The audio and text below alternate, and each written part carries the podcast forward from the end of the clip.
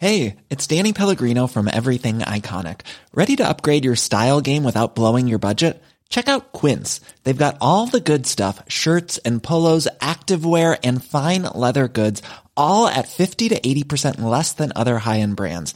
And the best part? They're all about safe, ethical, and responsible manufacturing. Get that luxury vibe without the luxury price tag. Hit up quince.com slash upgrade for free shipping and 365 day returns on your next order. That's quince.com slash upgrade.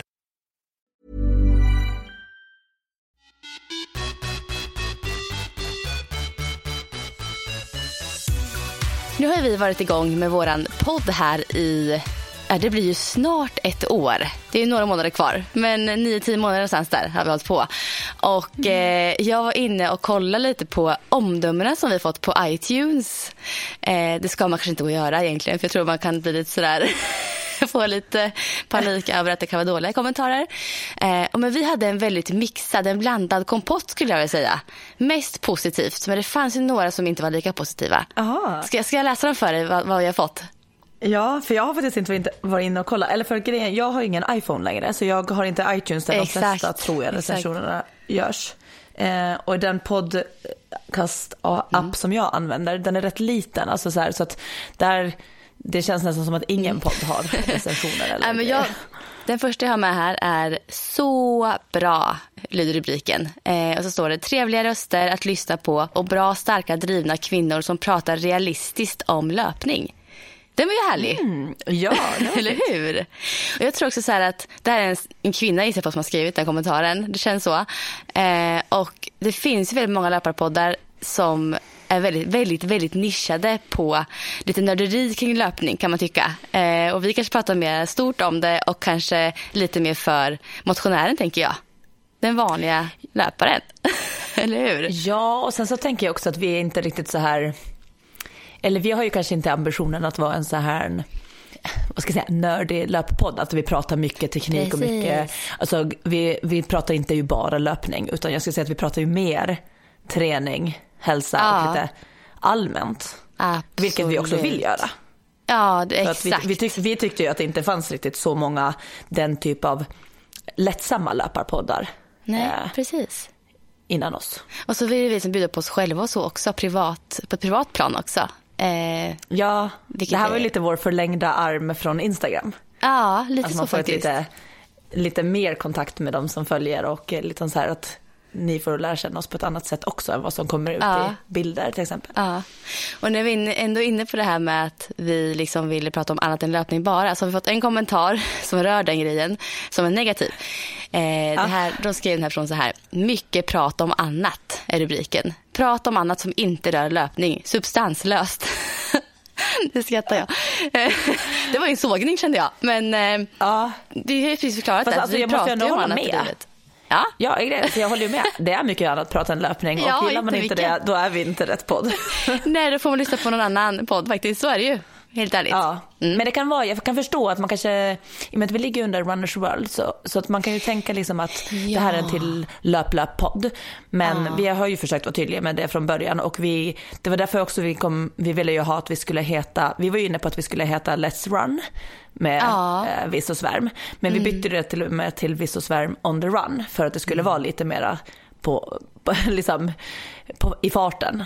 Ja, på allt precis. som händer. Ja.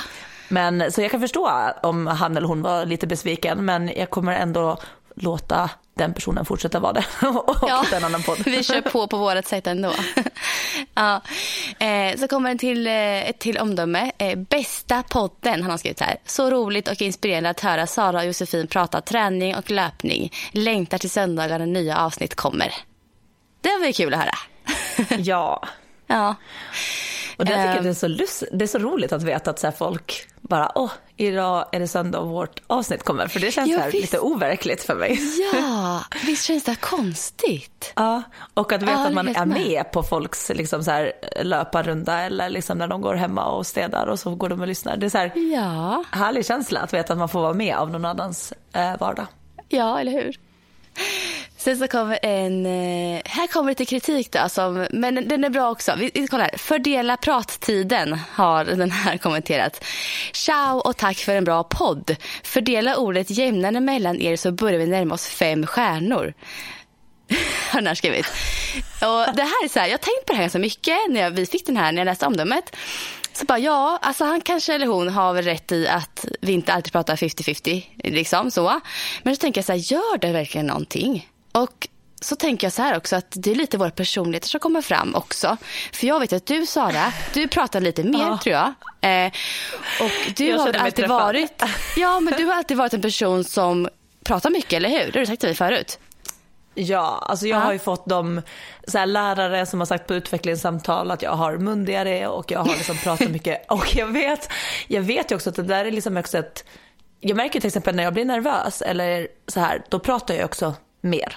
Uh. Eller när det blir tyst, eller så, alltså jag kan ju ha svårt för tystnad ibland mm. och då mm. känner jag att jag måste hålla låda. Mm. Så att det där här, är ju absolut jag. Ja, och jag, ju, och jag har alltid varit precis tvärtom. Det kanske inte många tror, men jag som liten så var jag jätteblyg, satte mig längst bak i klassrummet, räckte aldrig upp handen, gav plats åt andra, backade ofta så och även så här nu i vuxen ålder kan jag känna att jag liksom är den som lyssnar mer än pratar i ett kompisgäng. Liksom. Eh, så att jag tror att det kommer naturligt lite. Det är, det är personligheter som lyser igenom eh, hos oss tror jag. Och jag tycker väl att det ja. kan få vara så. Vi kan liksom inte styra det heller helt och hållet. Liksom. Att vi pratar halva tiden var. Det vore lite tråkigt nästan. Nej men sen tänker jag också, jag undrar lite när kommentaren kom, för jag kan säga att i början så tänkte jag, jag visste ju också att du kände lite så, att du inte mm. var bekväm med att prata och det gör ju mig kanske också lite mer att jag känner att jag måste prata på. Mm. Så i början tror jag också tänkte lite mer på att föra samtalet eller fråga dig extra saker. För att så här, mm. Det tänker dock inte jag på alls idag. För jag Nej. tycker att det rullar på, alltså så här, jag tänker inte på att du inte skulle ha lätt för att prata. Nej, vad skönt. Ja, så jag tänker ja. inte på, och då, då hoppas jag att det kanske också har gjort att jag backat lite grann. Men jag kan komma ihåg att i början så kände jag kanske ett lite mer så här, ansvar att hålla igång. För du sa så här i början så här att men gud vad jag babblar på om saker, jag svävar ut sa ju du. Medan jag tycker ja. att det är något positivt. Jag tycker inte att det är något negativt att sväva ut. Nej men det är nog för att jag har fått kanske höra lite som i negativ klang att jag pratar för mycket eller pratar för högt ja. eller Har du fått höra det som ung? Snabbt. Ja precis, att du ja. fick höra som ung så tänker du att det är så. Ja jag fattar. Ja. ja. Mm. Nej men annars var, var den här personen jättepositiv. Vi är nästan fem stjärnor ja. för den här personen så det var ju bra ändå. Ja men den kan vi ändå ta till oss. Den kändes ja. det var ändå en konstruktiv kritik. Ja vad konstruktivt. Eh, ja. Närmar vi oss fem stjärnor ifall att det blir bättre då ska vi tänka på det. ja eller hur. Ja. Och sen har jag en sista här. Frisk fläkt. Mycket inspirerande podd som gör mig löpsugen. Och det vill vi då uppnå med de som lyssnar på oss. De ska bli sugna till att uh, springa och träna. Och ha ett ah. aktivt liv. Ja, verkligen. Så det var härligt. Ja, um, sen har jag faktiskt fått en annan som, eller som jag har hört från många. Eh, inte, det är inte skrivet där utan bara Nej. allmänt. Och det är att de tycker om våra dialekter och att det också är skönt för att man lätt kan urskilja vem som är vem i och med att vi har ja. olika dialekter och ganska olika röster. Vilket ibland ja. kan vara svårt i poddar, att det blir för lika. Ja, det, det har jag också hört faktiskt. Från väldigt många här. Här i Motala, östgötar, liksom, de, de älskar din dialekt. Alltså mina ja. vänner, åh jag älskar dialekt ja. så här, för det skiljer sig så mycket från vår dialekt. Så det blir ja. väldigt intressant och dynamiskt i det på något sätt tror jag. Ja, men det var de i alla fall omdömena där. Och eh, jag var lite inne på här att det finns ju andra poddar inom löpning att lyssna på. Ja, Eller hur? det börjar komma upp mer och mer känns det som. Ja, det känns som att löparpoddar är populärt. Ja, superkul tycker jag. Verkligen. Har du någon, sådär, någon speciell som du lyssnar på eller tycker mest om eller har hört mycket bra om eller sådär?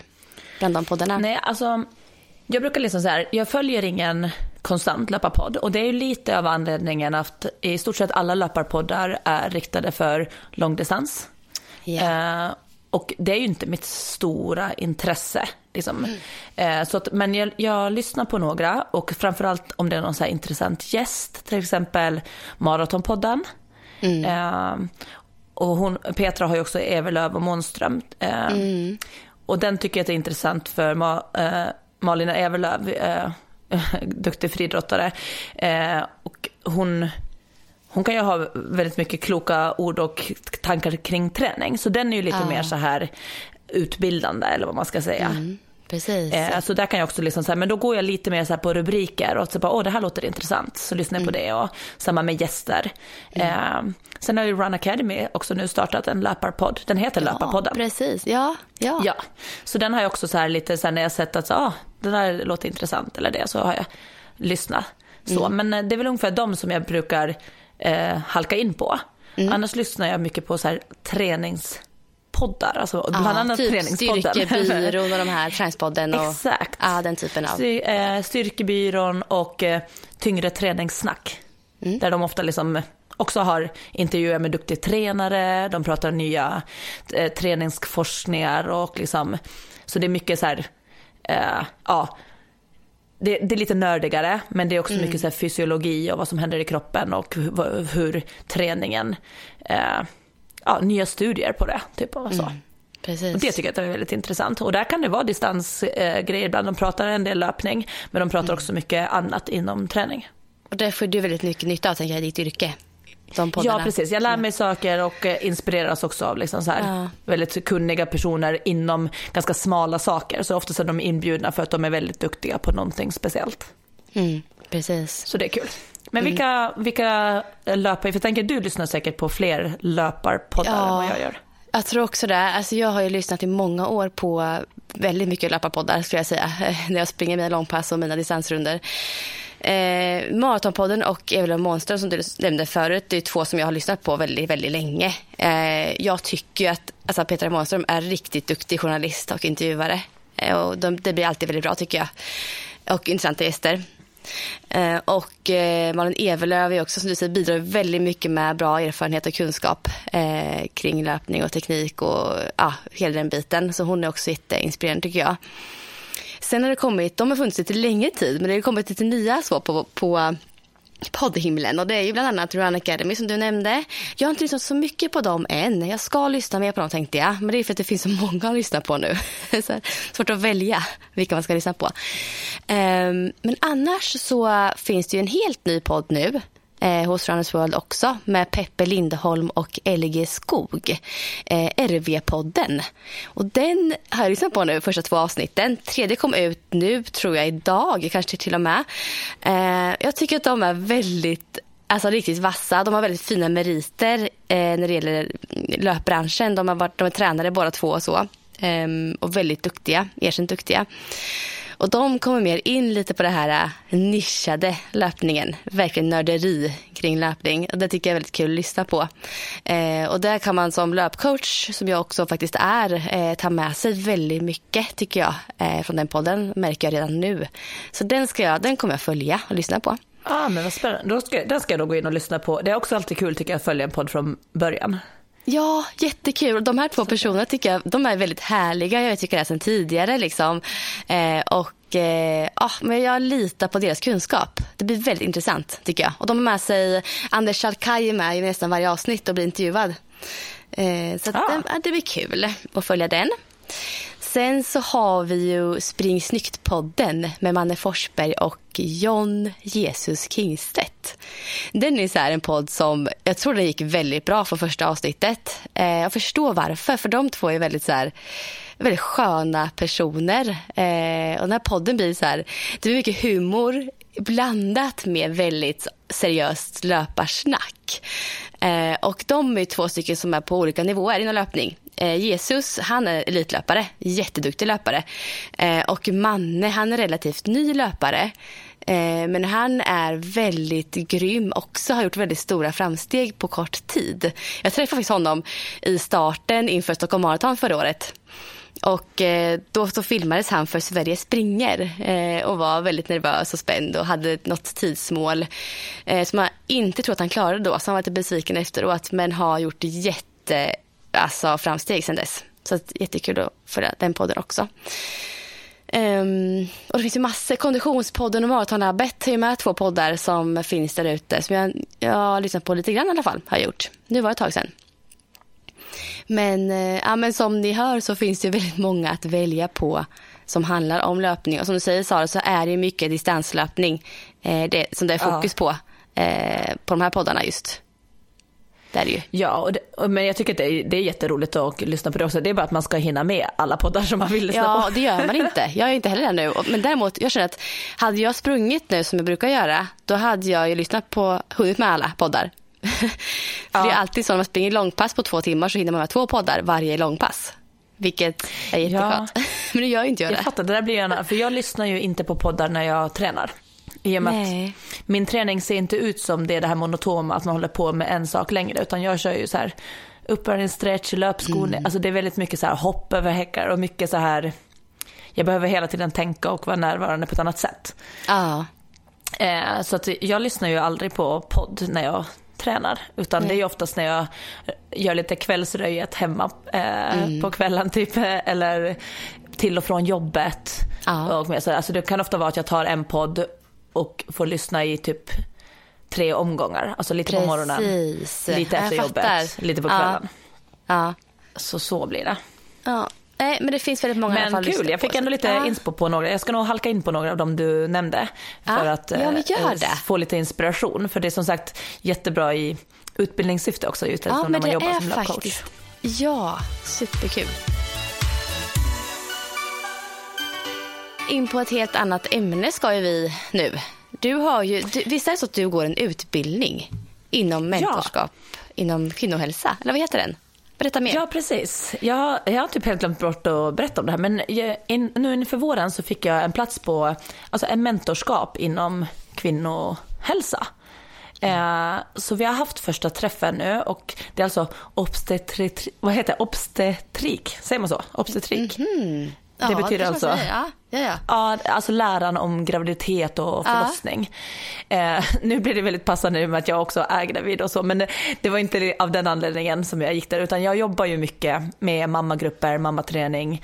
Eh, och, eh, så då var det två kollegor till mig också som skulle gå den här. Så det här är liksom en, vad ska man säga, en fördjupning av, för personer som redan jobbar med eh, någon form av kvinnohälsa. Så vi, vi, som är där är främst personlig tränare som har inriktat sig på gravidträning eller så mammaträning. Men också jättemånga fysioterapeuter. Mm. Så att alla jobbar liksom och möter kvinnor efter graviditet kan man säga. Eh, och vi kommer då ha fyra träffar under våren och sen däremellan har man lite uppgifter och sånt som man skickar till sin mentor. Så man har liksom en, under hela våren har man en, en kontaktperson och vi har som en Facebookgrupp där man kan ställa frågor och eh, diskutera mm. olika saker som dyker upp i ens arbete. Mm. Och det, det är super, super intressant. Ja, och mm. en av dem som har den, de heter Mia Fernando och Emma Regberg Lundborg som håller mm. den här kursen. Och jag vet att jag har nämnt faktiskt Mia Fernando tidigare när vi pratade om urinläckage, för då hade hon precis gästat ja, Styrkebyråns podd. Mm som expert då inom just eh, bäckenbotten och eh, ja, träning efter graviditet. Så hon är en av dem som håller kursen.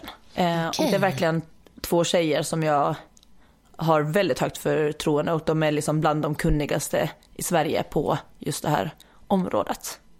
Första träffen mm. nu då, så då pratar vi egentligen bara om bäckenbotten. Och det är det här som är så roligt tycker jag, för när man gick den här vidareutbildning, träning efter graviditet, då var det liksom alltihopa på en helg. Ja. Och nu får vi dela upp det. Så att liksom så här, nu hade vi första träffen om bäckenbotten. Nästa träff kommer vara om bäckensmärta, alltså foglossning och sånt. Ja. Eh, sen kommer vi prata om bara magmuskler och det här med magmuskeldelning och sånt. Och sen sista träffen lite mer inriktad på träning och övriga frågor. Mm. Och det är så häftigt när man sitter i skolbänken sådär på nytt. Ja. Och du vet när man tänker att jag kan ganska mycket om det här ämnet. Mm. Eh, för att man har ändå jobbat med det och man har gått utbildning och läst på mycket. Och sen så kommer någon som är på en helt annan nivå och börjar liksom berätta saker och då känns det som att man mitt i allt inte kan någonting. Mm. Gud vad häftigt ändå, det är där man vill. Ja, ja men precis, ja. jag kände det. Alltså jag bara så här, först kände jag bara så här, men gud, det här kan inte jag, det här har inte jag koll på. Mm. Eh, och så här, men då vet jag också så här, okej, okay, men nu kommer jag ju att lära mig mer och jag kommer att utvecklas mycket mer på det här. Jag tror, jag får att det här är ett område som väldigt få kan mycket om. Det känns det så? Ja, och det, för det sa de också själva att liksom så här, mycket av de nu forskning och studier som kommer som liksom har lyft framåt det här, liksom, det är, de är typ fem år gamla. Så det är så här ja. sjukt att vi har ju liksom fött barn i alla, alla år. Mm. Men det mesta nu studier som finns, de är liksom fem år gamla. så kort tid tillbaks ändå.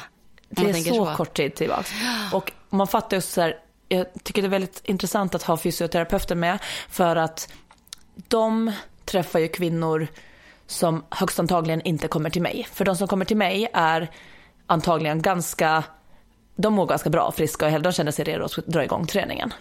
Ja. Men de som hamnar till, till de här andra, det är ju de som har bäckenbottenskador, som har haft förlossningsskador, som har mm. alltså, problem i vardagen. Alltså, så att jag lär mig ju otroligt mycket av att lyssna på deras diskussioner och vad de möter i, sin, mm. i sitt arbete. Mm. Och samma på den här Facebookgruppen, där kommer ju frågor också som mycket om allt från så framfall och eh, rehab efter det och så. Och det är sånt som, som jag kan ju inte komma in och dela mina erfarenheter så mycket eller liksom eh, ge tips och råd. Men däremot så läser jag ju de här kommentarerna och liksom trådarna och bara mm. slukar i mig allt för jag lär mig så mycket av att se deras diskussioner kring det här. Mm. Men det här kommer du kunna verkligen ta med dig i jobbet sen när du är färdig. Ja. Jag. Mm. Ja men verkligen. Och det var liksom ändå så intressant nu så här om eh, bäckenbotten. Vi pratade ju ganska mycket då förut om urinläckage och, och delade med oss om, om våra upplevelser kring ja. det och sådär. Mm. Och det var ändå så, jag vet att vi var liksom lite inne på det med så här knipträning och hur mycket man kan, alltså vad man ska liksom så här oroa sig för efter och så, you know. Det var också så skönt tyckte jag nu att de bekräftade det här som vi var lite inne på då mm. också så med att eh, känns det bra så är det bra. Ah. Eh, och samtidigt också så här att det är bara ett problem med till exempel urinläckage och sånt om kvinnan själv upplever att det är ett problem. Ah. Så till exempel om man liksom så här läcker lite som jag har sagt att jag är så här, men ibland när jag hoppar över häckar och någonting läcker och sådär. För mig är det rätt fine för att det, jag vet ju exakt när det händer och jag kan ha ett trosskydd eller alltså så här, så det stör mm. mig inte så mycket för det är ingenting som jag upplevt att är negativt på ett annat sätt än att det är lite störande. Mm. Då. Men jag har ju inte ont i, jag har ju inte några andra bekymmer av det.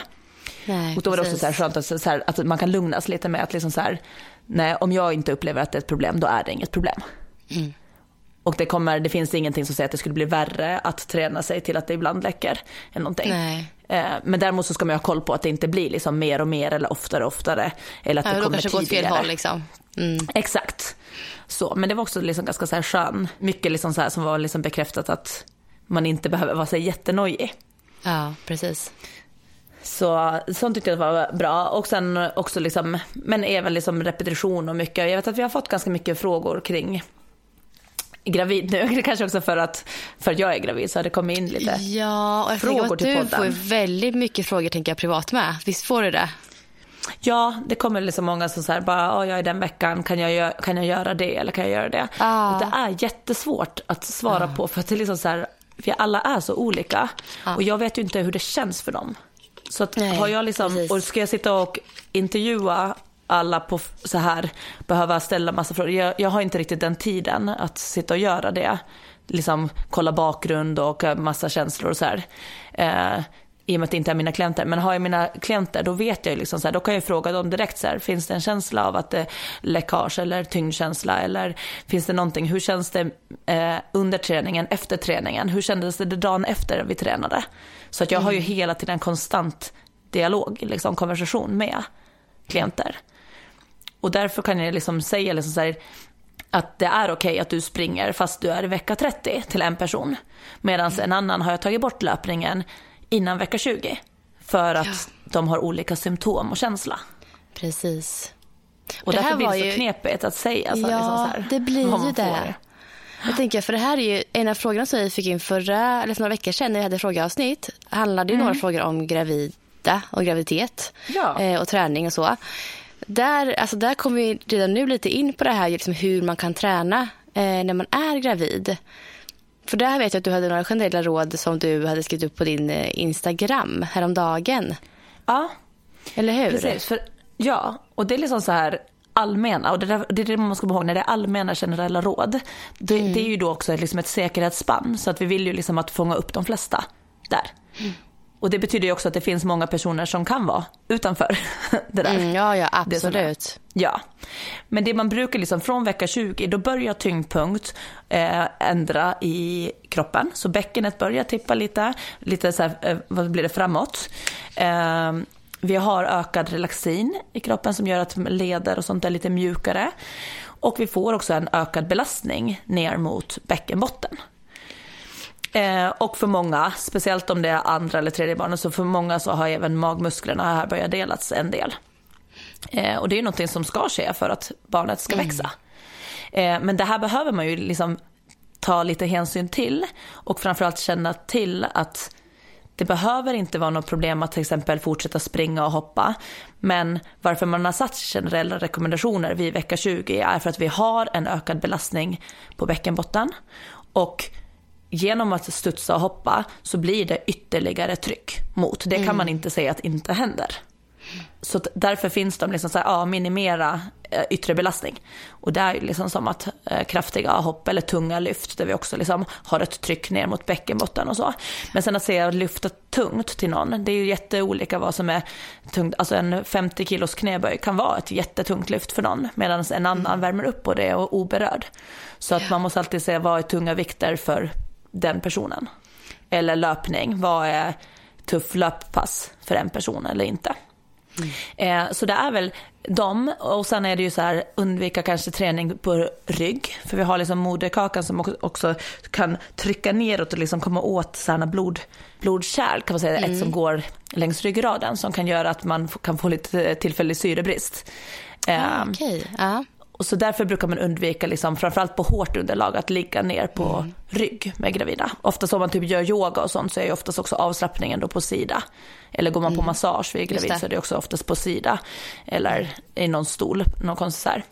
Men det är just för att det, vissa känner av det väldigt tydligt. Jag har haft sådana som har bara legat några sekunder på rygg och så mm. snurrar det till liksom. Och vissa märker det inte alls. Men det är ändå bra att känna till att det kan bli ett tryck mot den här venen. Mm. Så då därför försöka. Men gör man till exempel höftlyft eller någonting, då är man ju ändå i rörelse. Så ja, det kan ju precis. gå bra att ligga på rygg när man gör någonting. Mm. Eller till exempel bänkpress vet jag att många kör långt upp i graviditeten. Men det är också för att där ligger man, oftast har man fötterna i golvet och kanske svankar upp sig lite grann. Och då har man inte heller det här trycket rakt ner.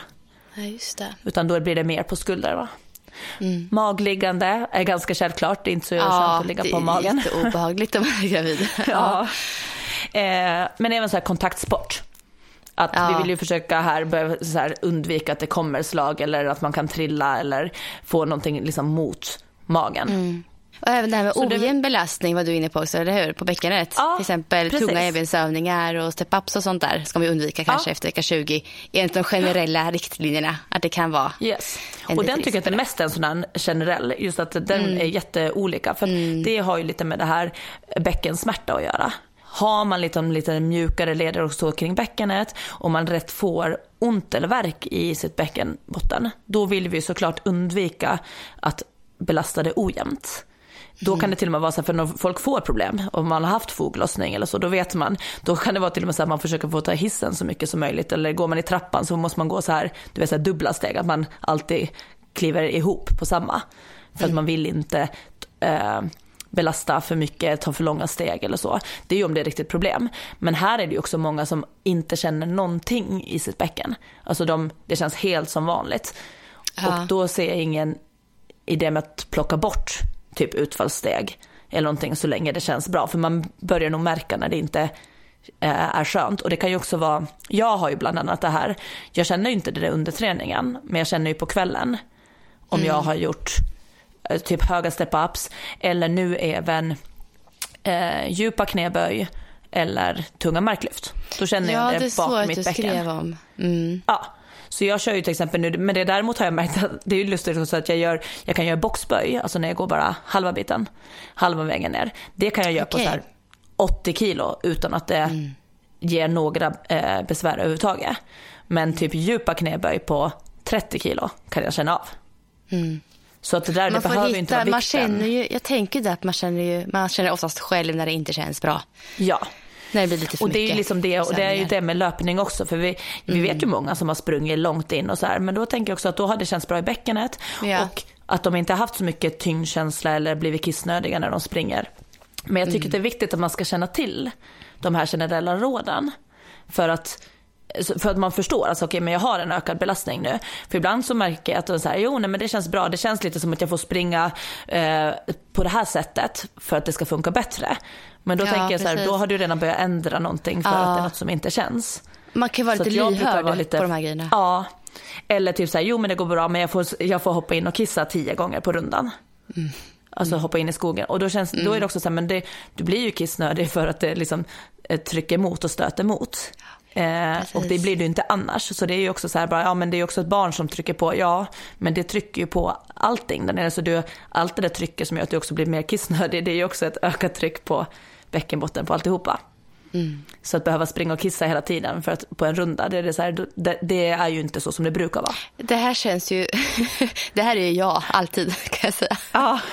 Det är så sjukt. Men jag, jag har ju alltid haft problem just med det här med att jag, med att jag kissar mycket. Jag har gjort det sedan jag var liten. När jag var gravid Ja. också väldigt, väldigt mycket och ef- även efter. Eh, så jag springer jag rundar nu på en mil så måste jag alltid kissa minst en gång. Ja, men du, Ja, vet verkligen. Vi, vi pratar mycket om det här med urininkontinens, eller så här, Ja. läck, Ja. Mm. läckage. Och då sa de ju så så här, att det är bra att känna till att det är ju inte bara en svaghet i bäckenbotten. Utan det är ett, en anledning till att man läcker. Men det här är ju också en vanlig grej som du pratar om nu, liksom lite, att man inte riktigt kan kontrollera sin blåsa. Exakt. Det måste ju handla om det. Alltså jag borde kunna Ja. stoppa upp på en timmes... Alltså jag borde inte behöva gå varje gång jag springer kissar. Nej.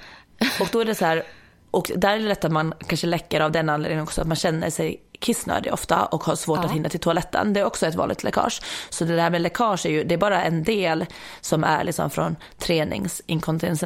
Inkontinens. Så även om man läcker så behöver det inte vara för att man typ måste knipträna mer och är svag. Nej. Utan det kan också vara just det här att hjärnan skickar signaler, eller urinblåsan skickar typ signaler att den måste gå och kissa hela tiden. Ja. Det har ju ingenting med bäckenbottenstyrkan att göra utan det har ju liksom att den, man har vant sig med att typ gå ofta på toaletten. ja, jag tror också det är så. Ja. Så den var ju det var- liksom lika vanlig och sen också tvärtom att man håller sig för länge. Den är också Aha. liksom så här, så då var det liksom att man ska börja föra dagbok över typ hur ofta man kissar. För att försöka Jaha, styra finns det på det här den. problemet också? Ja. Visste inte att det fanns. Ja, det här, är lika, det här var typ lika vanligt. Jaha. Man ser att det är liksom ansträngningsinkontinens eh, och sen den här, vad ska man säga, urinblås, att, att den inte liksom, den skickar falska signaler. Ja, Att du är. Mm. kissnödig. Det är den. Och sen finns det också eh, att man har problem att tömma blåsan helt. Vilket Mm. gör att det skvättar också lite efteråt för det alltid ligger lite kvar. Ja, men det kan vara mitt problem också kände jag. Ja, och sen finns det blandning. Eh, och blandningen är då bägge det här, framförallt hos kvinnor är det vanligt att man har en blandning av att man springer ofta och blir snabbt kissnödig och då inte kan hålla sig så länge. Blandat också då med tränings. Ja. Eh, Nu, nu skrattar jag åt det här, vilket egentligen så är det inte kul. Men, eh, Nej men det är bra att känna till att det finns olika grejer som leder till att man läcker. Det är inte Ja. bara träningen i sig utan det är liksom, och jag tror, man, jag tror att de sa att man ska kissa typ fyra till nio gånger per dygn. Och max en gång på natten. Eh, det är liksom det så här. Och, och försöka då skriva dagbok på att också kolla liksom så här, hur ofta spring, går jag på toaletten för att försöka styra det här. Och går man väldigt ofta så måste man faktiskt börja träna på att hålla sig och inte gå direkt på signal. För att urinblåsan blir bortskämd. Då är min urinblåsa bortskämd. I så fall. Ja. Nej, men det är, alltså, det är ju ett, Men det är bra att blir ett till problem att då för kanske det många. inte- Det är jättebra. Ja. Och att då kanske det inte är bara med, det har kanske inte att göra med ett svagt bäckenbotten i din del. Nej, precis. Utan det är andra orsaker till det. Mm, intressant. Okej, då hade hon en till fråga då. Hon, eh, hon är typ gravid den här tjejen i samma vecka som du skulle gissa nu faktiskt. För det var några veckor sedan hon skrev och då var hon vecka 15. Ja, och det här var ju typ när Eh. jag hade gått ut, nej det här var frågeavsnittet. Ja, Ja, vi är typ Nej, då är du lite före henne. Ja. Eh, men en fråga hade till då, det var ju att hon senaste veckan fått ont i magen, typ små knivhugg på kvällen efter jag sprungit. Vad beror det på? Ska jag lägga av med löpningen helt nu i denna graviditet eller ska jag springa kortare eller försöka senare i graviditeten? Har hon skrivit. och frågat om. Ja. Eh, Vad säger du? Alltså för mig låter de här, det låter som sammandragningar i mina öron. Jag vet inte vad du Ja, tänker. kraftiga sådana eller, eller något ligament eller någonting som är liksom Ja, irriterat. det kan det också vara. Ja, absolut, som har blivit irriterat. Så något sånt. Eh, Men Det känns ju som att hon får ont eftersom hon sprungit. Alltså det här hade ju jag lite när jag var gravid. Eh, det kommer jag komma in på nästa fråga mer om. Men eh, jag tror hon ska ta det lite lugnt alltså, med löpningen. Min spontana tanke. Ja. Faktiskt. Vad känner du? Ja, men jag skulle också säga, för att det här är ju en känsla som inte är skön. Ja, är precis. Hon upplever det här är ett bekymmer liksom. Eh, Ja, och, Det menar, och hon ser ju tydligen ett mönster också att det verkar komma efter löpning. Att det inte är Precis. någonting annat på dagen.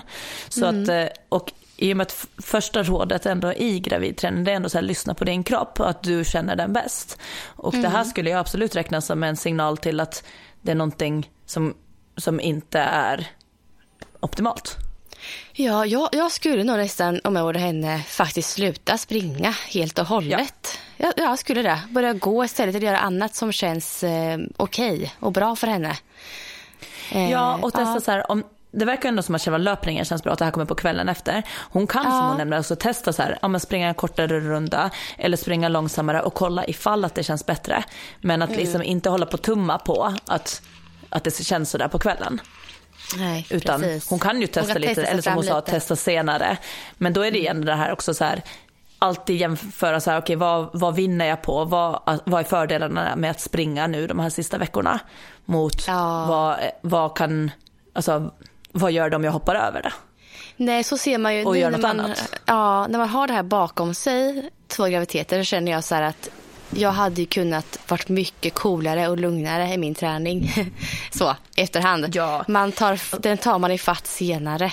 Det här är en kort period egentligen i livet. Ja, och man, det man har sett är ju, det är ju jättemycket positiva saker med att träna under graviditeten. Ja. Men träna under graviditeten, det är ju liksom alltså, fysisk aktivitet, röra på sig. Det är ju Ja. det som man har sett att ger, ger jättemycket positiva effekter. Det är ju Ja, inte ska inte- liksom att prestera eller liksom Nej. hålla sig vid en viss träningsmängd eller träningstyp. Det är det ju inte. Nej, absolut så, står ju vi för att man ska röra på sig och vara aktiv när man är gravid. Om man kan det. Det är jättebra om man kan vara det. Men Ja. på en helt annan nivå än vad man kanske skulle vilja just då. Det är väl där eh, man får ta till, till lite och känna in kroppen ordentligt. Vad som känns bra och inte. Ja, verkligen. Alltså du vet själv bäst vad som är så här, men och alltså det här, hon har ju ändå reflekterat över det här så att jag tror eh, skulle, skulle hon vara min kund så skulle jag säga, då skulle jag backa för då ansvarar jag ju också lite, lite för hennes träning. Så då hade jag sagt så här, nej eh, undvik löpning just nu, vi hittar andra träningsformer. Så hade jag sagt. Hade jag Ja. varit mig själv så hade jag gjort eh, likadant.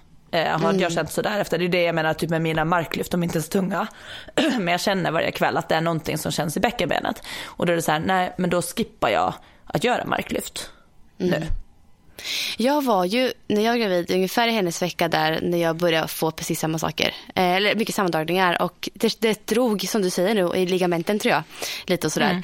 Ehm, och jag slutade springa tidigt. För att det kändes inte bra, helt enkelt. Ja.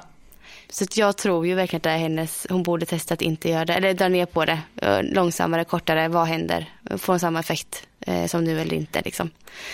Ja, och testa Men, andra ja. träningsformer. För det är ju bara skönt att det är bra om man ofta tänker att man ska byta ut och inte bara tänka att man slutar. Alltså så här, så man, Ja. att man hittar någonting annat. För det kommer garanterat finnas andra saker som funkar.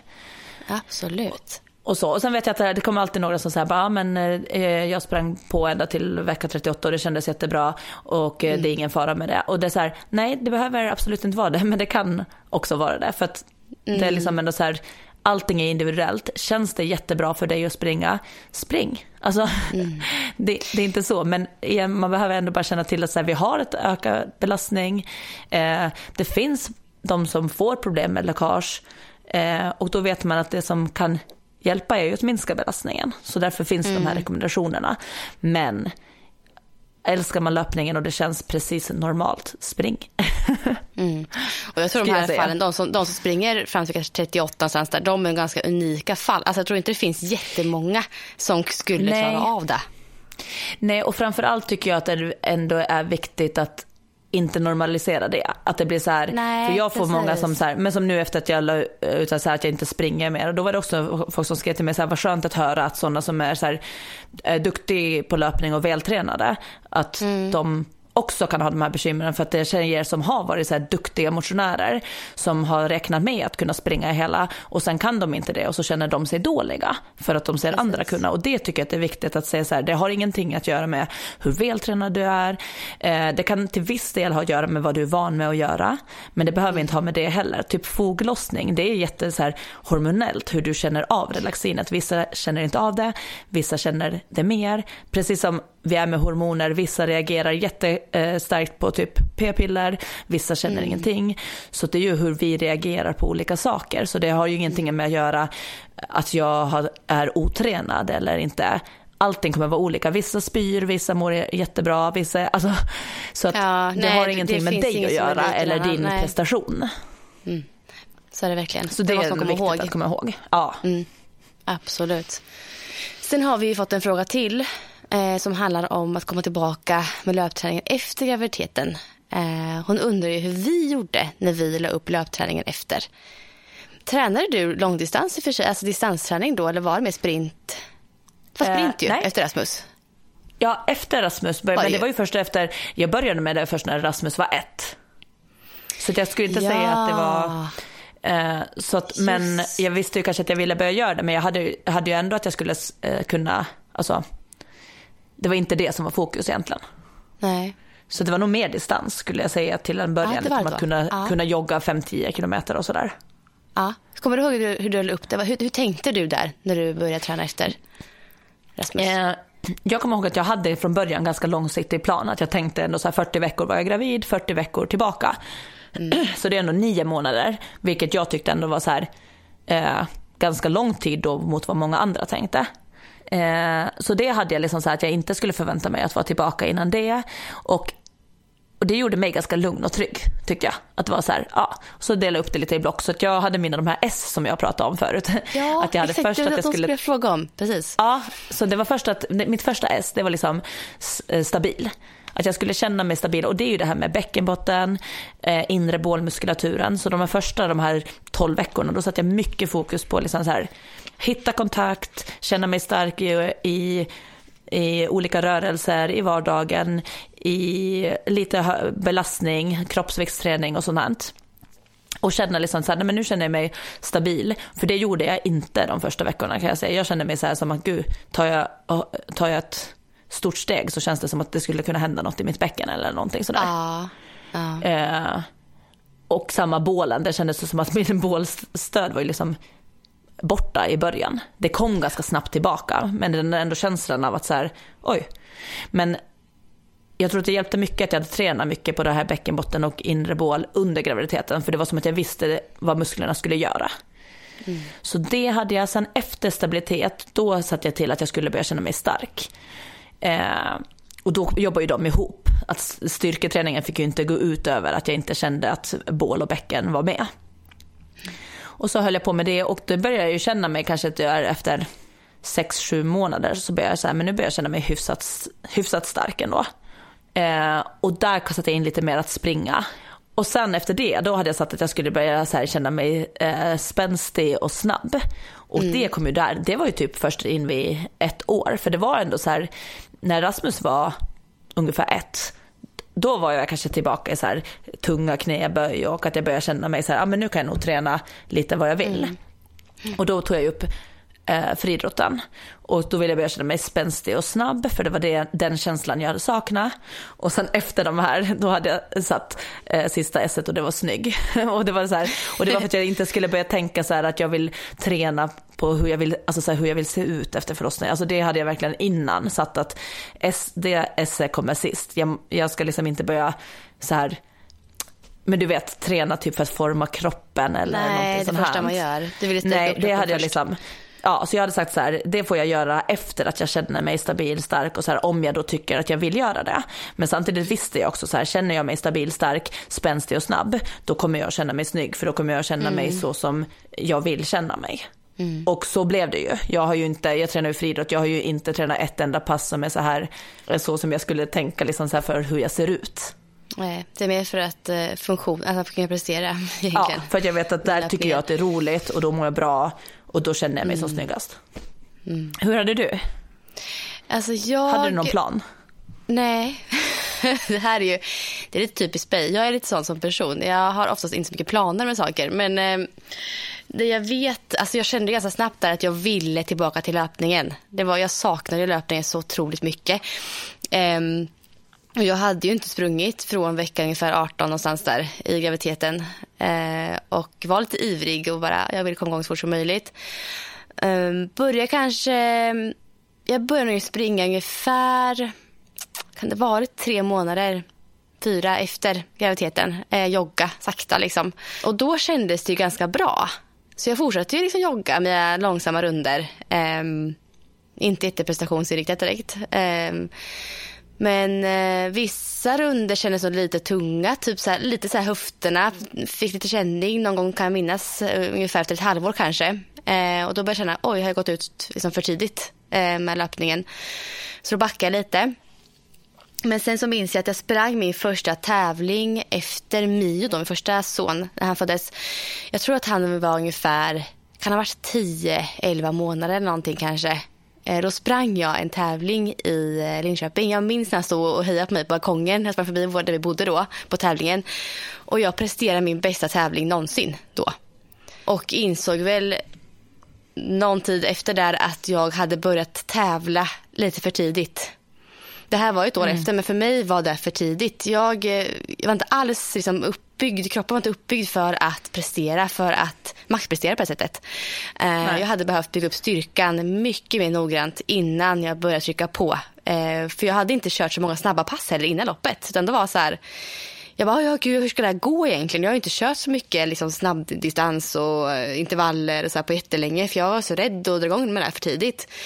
Um, men valde ändå att tävla och ta det för vad det var då liksom. Men så gick det ju, jag fick världens flow och det gick jättebra. Jag tryckte på ordentligt i steget. Eh, men så att jag fick ju lite känning av det eh, i höfterna. Det var där jag började känna eh, lite efter där. Och så fortsatte jag kanske tävla ibland sporadiskt så det året. Eh, och alla tävlingar gick ju ganska bra. Men eh, jag fick, jag hade ont i, jag vet inte vilken höft det var. Det var en av höfterna som höll i sig säkert i två, två år efter alltså när jag födde mitt nästa barn, Bella, då, så hade jag fortfarande lite problem med en höft kan jag minnas. Liksom. Och det höll i sig kanske ett år med henne också innan det liksom försvann.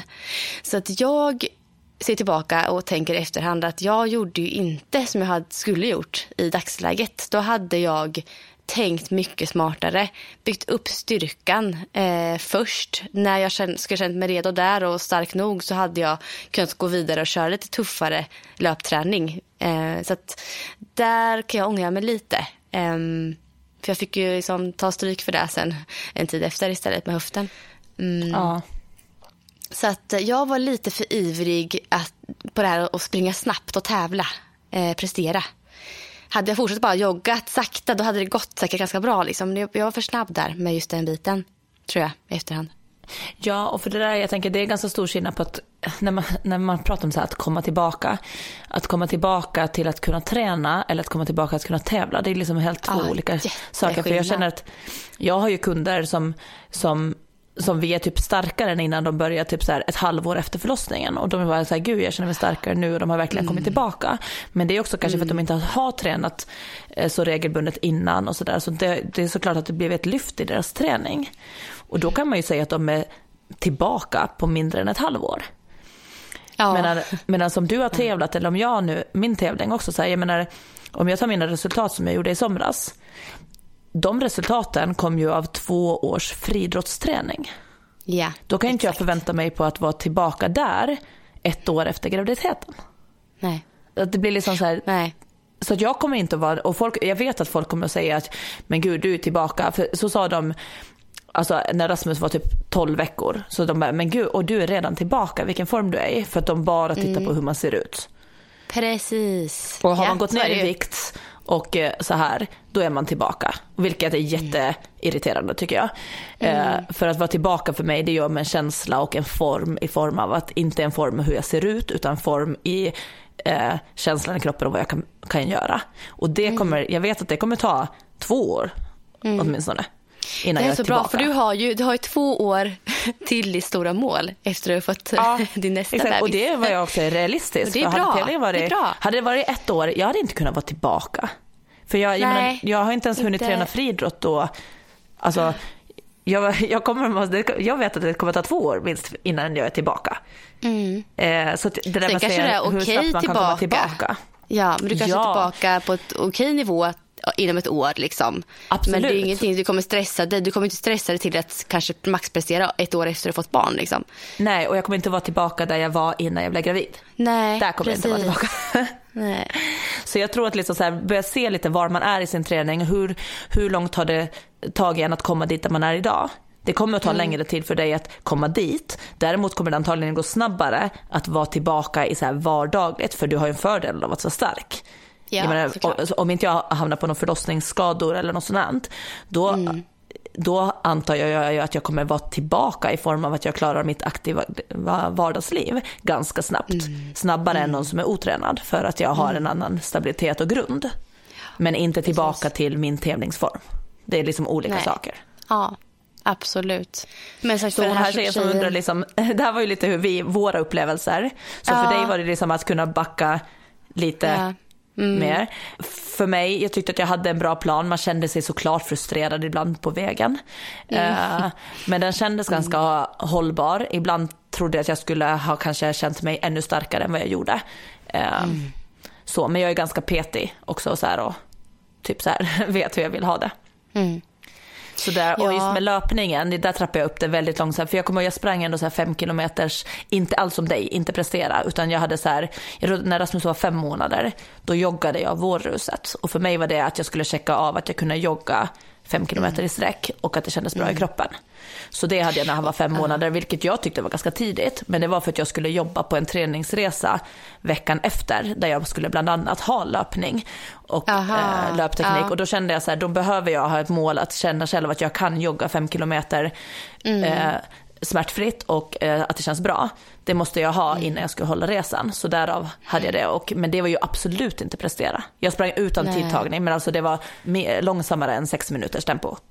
Mm. Så att det var liksom ingen Det här med alltså, hur vi la upp det efter är ganska intressant för att jag, eftersom att jag är verkligen så här inbiten distanslöpare, har varit det sedan jag var sju år, alltså väldigt, sedan jag var väldigt liten så har det för mig varit så här, alltså mer stressat i mitt huvud att jag skulle komma tillbaka till just distanslöpningen. För dig, mm. du har ju mera det här styrkan bakom dig och andra intressen inom träningen som jag inte haft med mig naturligt.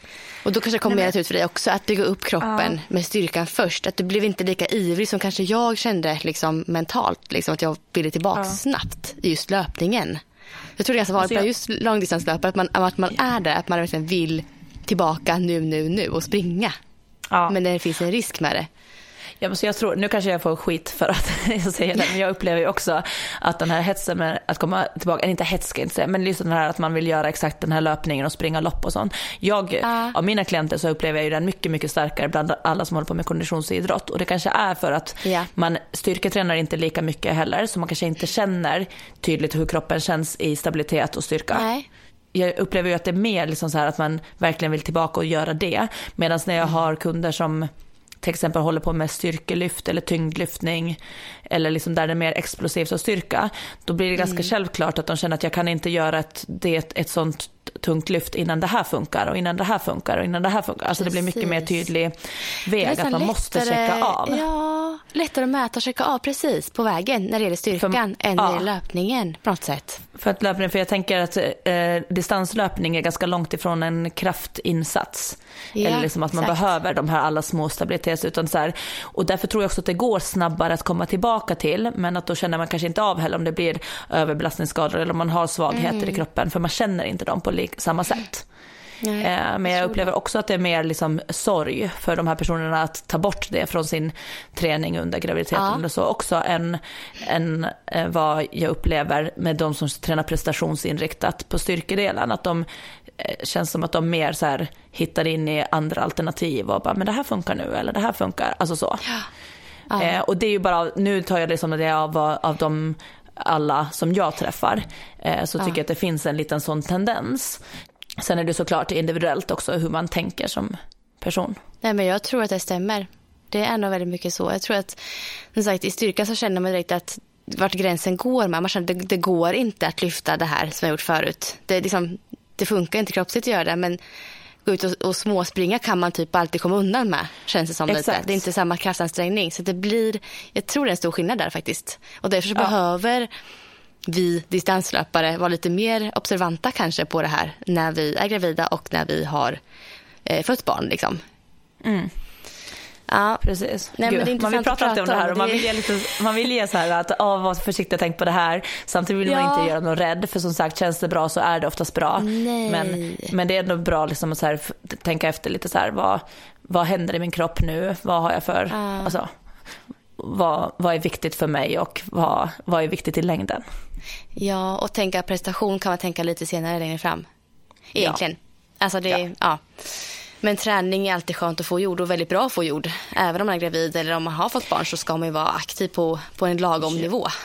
Det är bara att känna in den nivån. Ja. är, som är Det finns så mycket fördelar som, de har, som i studier har visat som att träna under graviditeten. Så man ska absolut inte vara rädd för att träna. Nej, Men det är ingen nej. tid för prestation. Det är ingen tid att prestera eller liksom så här göra nya, det är ingen tid där du ska springa ditt första maraton, ingen tid där du ska klara ditt, din första pull-up som man också ser att många som vill klara sin första pull-up under graviditeten. Det är liksom Ja. inte alla de här maxansträngningarna oavsett om det är en tung rep eller att springa långt eller snabbt, alltså så här, det, det är inte tiden under graviditeten liksom, eller direkt efter.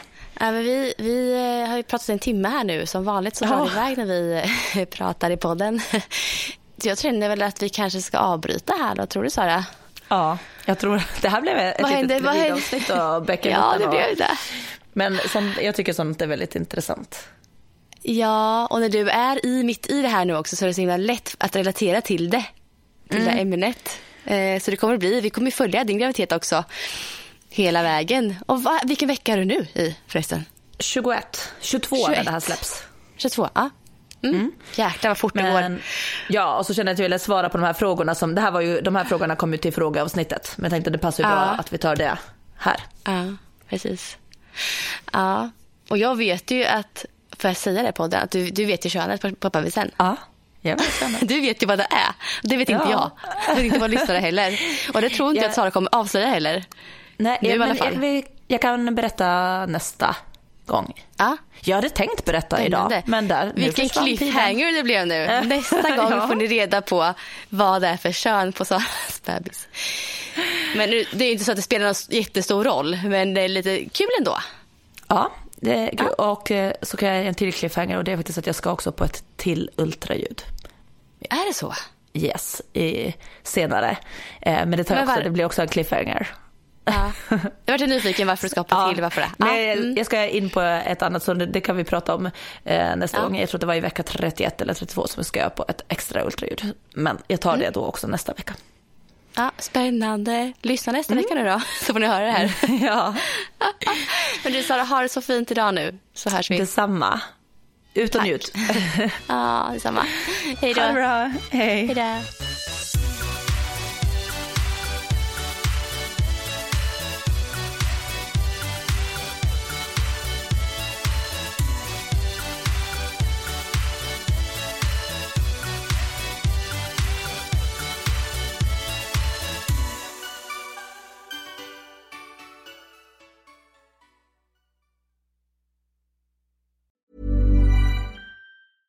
Even when we're on a budget, we still deserve nice things.